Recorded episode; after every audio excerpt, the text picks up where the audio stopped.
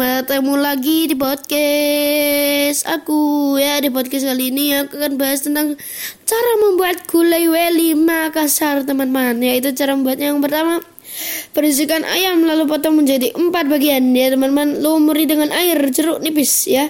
Bakar ayam di atas bara sampai kecoklatan sisihkan Panaskan minyak tumis. Kita panaskan dulu teman-teman apinya. Tumis bumbu yang sudah dihaluskan bersama serai sampai harum. Nah, ini wajib kita harus haluskan dulu. Aduk gulung-gulung ya teman.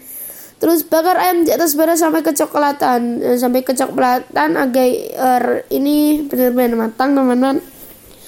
Lalu panaskan minyak, tumis bumbu yang dihaluskan bersama serai sampai harum. Masukkan ayam dan kelapa parut sangrai.